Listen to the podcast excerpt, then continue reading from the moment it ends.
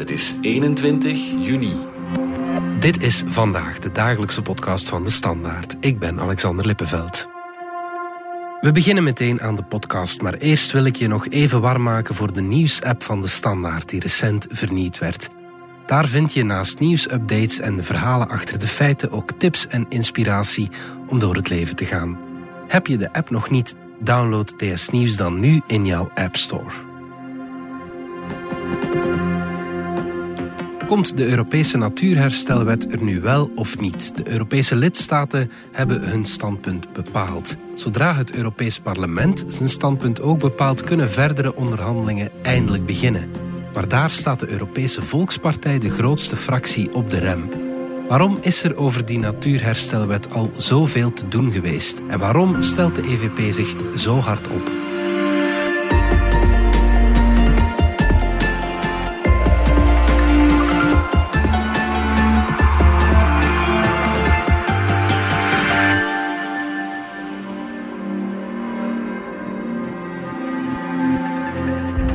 Bart van onze buitenlandredactie. We gaan het vandaag hebben over de EVP, maar ook over de Natuurherstelwet, de Europese Natuurherstelwet. Om te beginnen, waar gaat het juist over? Leg dat eens kort uit. Dat is een voorstel van de commissie. Dat dateert van vorig jaar. En dat stelt eigenlijk tot doel om tegen 2030 20% van het landareaal in de Europese Unie, de natuur daar te herstellen. Ja. En tegen 2050 alle gebieden, alle ecosystemen die hersteld moeten worden, om die ook te herstellen. Ja. Dat is eigenlijk, kort gezegd, wat het voorstelt. En waarom is het zo belangrijk? De commissie zegt, dit is een fundamenteel onderdeel van de Green Deal. Mhm. Dus dat is uh, goedgekeurd, dat is nu Europese wetgeving. Dus dat moet nageleefd worden. En dat zegt dus dat we tegen 2050 klimaatneutraal moeten zijn. Ja. En de commissie zegt, Timmermans, Frans Timmermans, de paus eigenlijk hè, van de Green Deal, die zegt, we halen die doelstelling niet zonder dat herstel van de biodiversiteit in Europa, die er ontzettend slecht aan toe is. Ja. En ik denk dat we dat allemaal weten als we terugdenken aan onze jeugd. Mijn jeugd is er zo lang vlinders, geleden. ja, maar er waren veel meer vlinders, er waren veel meer vogels eh, dan er vandaag is. Ja, maar er is wel heel veel eh, commotie al rond geweest de laatste weken. De meeste mensen hebben voor het eerst van de Natuurherstelwet gehoord door deze quote van premier De Croo. Maar wat je nu moet vermijden is dat je de kar gaat overladen. Om naast die doelstellingen rond CO2-uitstoot, daarbovenop nog eens te gaan zeggen, ik zeg maar nieuwe stikstofnormen, nieuwe natuurherstelwetnormen, nieuwe normen op het gebied van, uh, van biodiversiteit, op het gebied van andere producten. Ja, dan ga je de kar overladen. Ja, en dus ik vraag om op de pauzeknop knop te drukken, maar niet voor CO2. Voor CO2 moeten we die volledige ambitie behouden. Ja, Bart De Croo wilde op de pauzeknop drukken. Dat is niet gebeurd. De Europese lidstaten hebben dinsdagochtend wel een eh, belangrijke beslissing genomen. Hè? Jazeker. Uh, eerst die pauzeknop van de Croo, dat was eigenlijk maar een pauzeknopje. Want vrij snel uh, is België beginnen onderhandelen met de commissie om te kijken, kan dat voorstel afgezwakt worden of niet? En dan uh, is er inderdaad dinsdagmorgen een nipte stemming geweest voor het akkoord binnen de lidstaten. Dus de 27 ministers die bevoegd zijn voor klimaat zijn samengekomen en hebben zich gebogen over hun compromistekst. Dus het, het zit zo in, in, uh, in Europa, het is vrij complex. De commissie komt met een voorstel. Mm. En dan is het zowel aan het Europees Parlement als aan de regeringen, dus de ministers van de lidstaten, Ja. om elk een positie te bepalen over dat voorstel. En dat wijkt af van het commissievoorstel. Ja. En als het Europees Parlement en dus de ministers ook een eigen positie hebben, dan komen ze met drie samen om te onderhandelen over een slotcompromis. Oké. En die slottekst moet dan op zijn beurt goedgekeurd worden en door het Europees Parlement en nog eens door de regering van de lidstaat. Ja. En pas dan is er een akkoord. We zitten daar bij verre nog niet. Hè. De bedoeling is om het eind dit jaar, of zeker voor de Europese verkiezingen, af te ronden.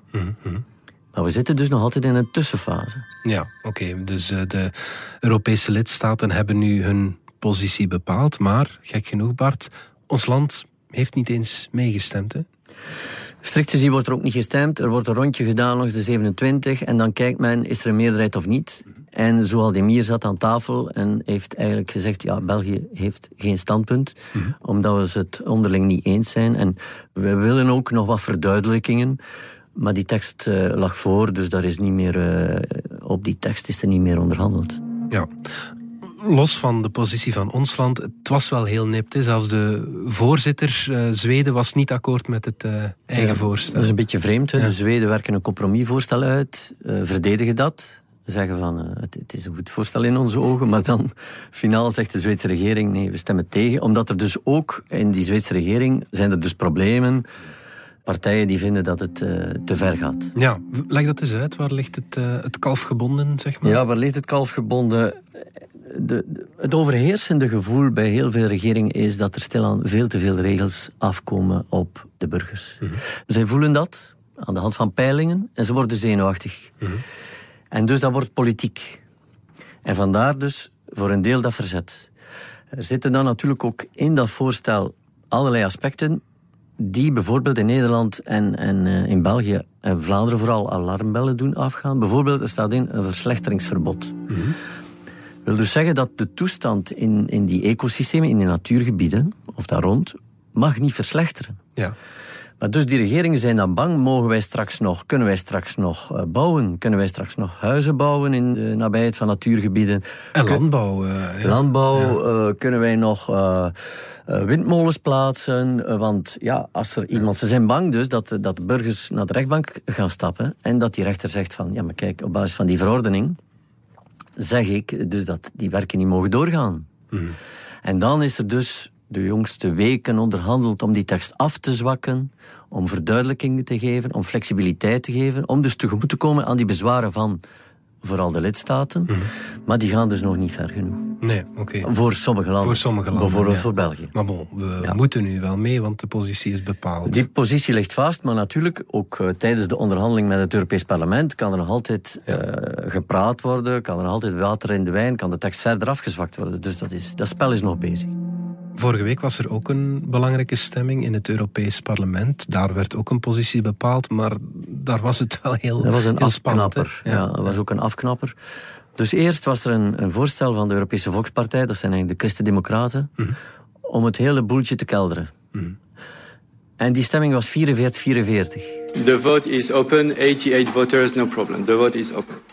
The vote is closed. And it is rejected.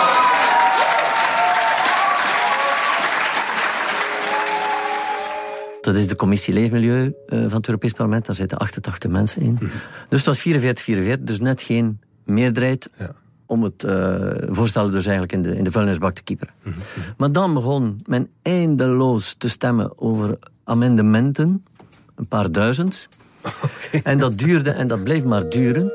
Maar natuurlijk om 12 uur moeten ze stemmen uh, in de plenaire vergadering over andere dingen. Dus er was eigenlijk geen tijd meer. Dus de spanning steeg en iedereen uh, was aan het uitkijken naar die slotstemming. Want als het 44-44 opnieuw was, dan werd het alsnog afgewezen, dat voorstel. Ah, ja, ja. Maar dus omdat er geen tijd meer was, wegens te veel amendementen, heeft men dat beslist. Uh, weet je, we stellen het twee weken uit en, we gaan dus, en nu gaan ze dus volgende week het werk verder zetten daar. Ja. Maar daar blijft het dus ook super spannend. Dat brengt ons bij de EVP, Bart, de Europese Volkspartij, die, ja, je zegt het zelf, een voorstel heeft, eigenlijk radicaal tegen dat commissievoorstel is. Vertel eerst eens, wat voor een clubje zeg maar, is, die, is die EVP? Ja, de EVP is, is de grootste fractie in het Europees Parlement, is uh, een heel sterke partij in Europa en levert traditioneel Europese topfiguren. Hè? Zoals nu bijvoorbeeld Ursula von der Leyen is een van hen. Ja, Juncker was er ook. Uh... Juncker, noem maar op, Tusk, Herman van Rompuy. Dus. Ze leveren dus een batterij op toppolitici. Mm -hmm. Het vreemde is dat die partij die eigenlijk in het centrum van de macht zit, nu aan de zijkant ging staan. Mm -hmm. Want normaal, wat doet de EVP? Ze probeert voorstellen aan te passen. Ze neemt daar de leiding in, aangezien ze de grootste is. Mm -hmm.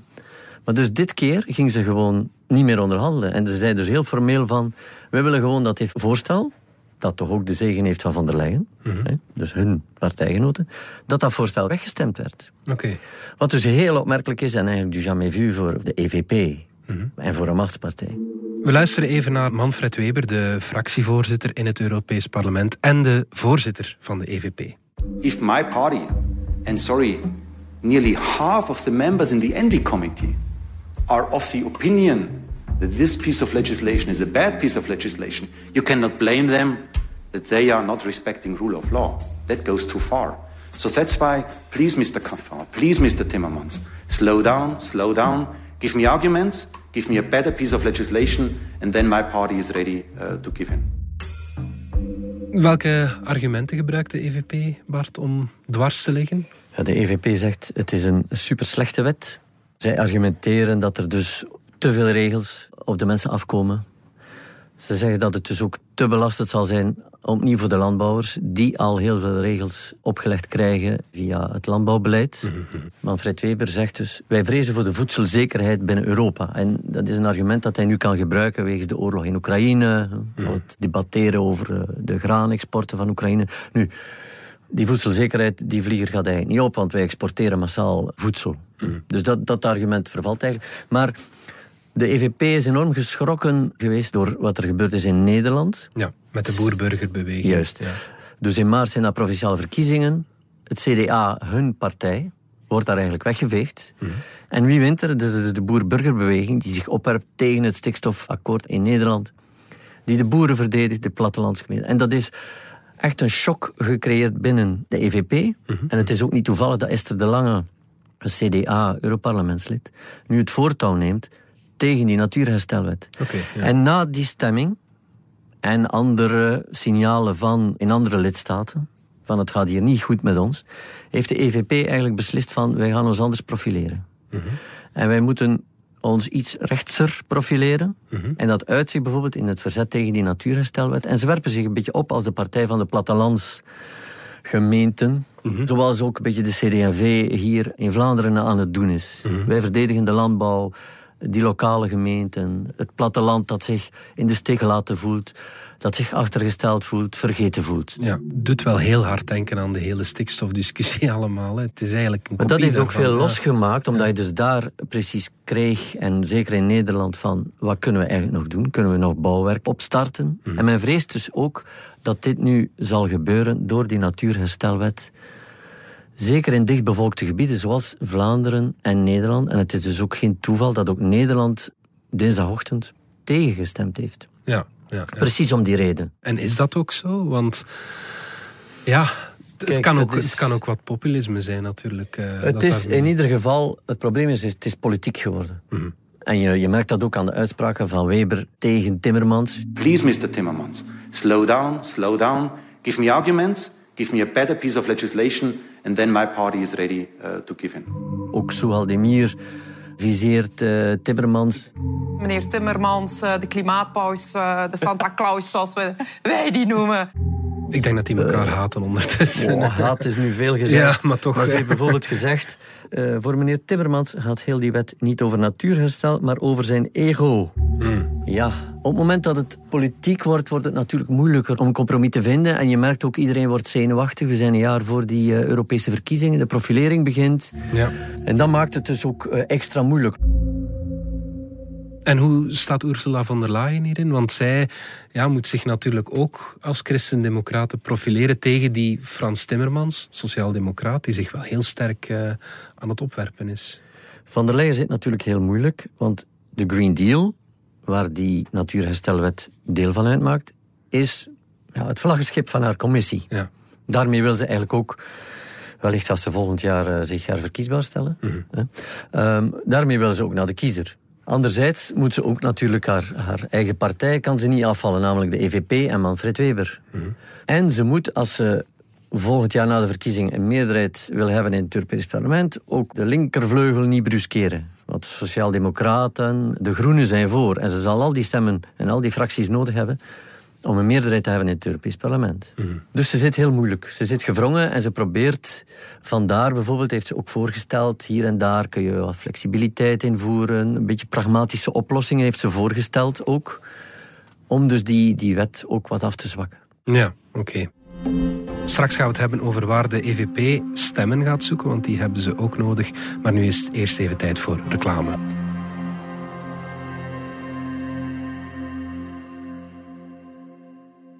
Terrasjes weer. Dat is een podcast in mijn oren, een super 8 rouge in mijn hand. Ja, en waarschijnlijk met een decolleté weer goed verbrand. Super 8. Lekker onverwacht.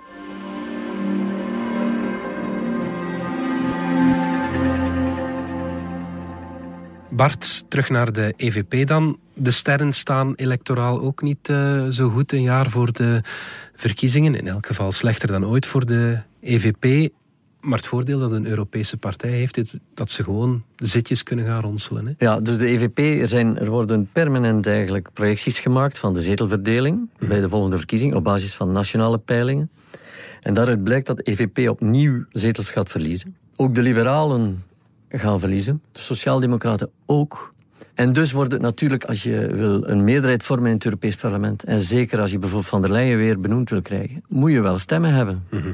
En daarom heeft Weber eigenlijk vastgesteld van alle partijen rechts van ons winnen. Dus wij kantelen. Mm En terzelfde tijd probeert hij andere partijen die vertegenwoordigd zijn in het Europees Parlement over te halen om ofwel aan te sluiten bij de EVP, ofwel een soort alliantie te vormen waarbij ze op dossiers overeenstemming vinden om dan samen te stemmen en meerderheden te vormen. Ja, wie zijn dan zijn voornaamste doelwitten? Er is een, de Tsjechische premier, Fiala. Die partij probeert die echt binnen te krijgen. Mhm. En dat gaat wellicht lukken ook. Die zit nu bij de conservatieven. Die zit nu bij de Europese conservatieven en hervormers, waar de NVA toe behoort ook. Mm Weber heeft ook al gepraat met de NVA. Mhm. Maar uh, bij CD&V zijn ze daar voorlopig niet echt gelukkig mee. Maar goed, er wordt gepraat uh, met de boer-burgerbeweging in Nederland, opdat die nu natuurlijk de wind in de zeilen hebben. Mhm. Maar de grote buit voor Weber is uh, de, de Fratelli d'Italia van Giorgia Meloni, een radicaal-rechtse partij. Ja, dat is wel opvallend die staat toch ver van de christendemocratie, denk ik dan. Dat zou je veronderstellen, en op basis van het programma zeker. Maar ja, je ziet dus een soort zwenking van de EVP naar rechts. En bijvoorbeeld, ze zitten dan samen met Meloni eigenlijk en met de Italiaanse regering op één lijn wat betreft die natuurherstelwet. Er is ook pesticidenwetgeving waar ze ook tegen zijn.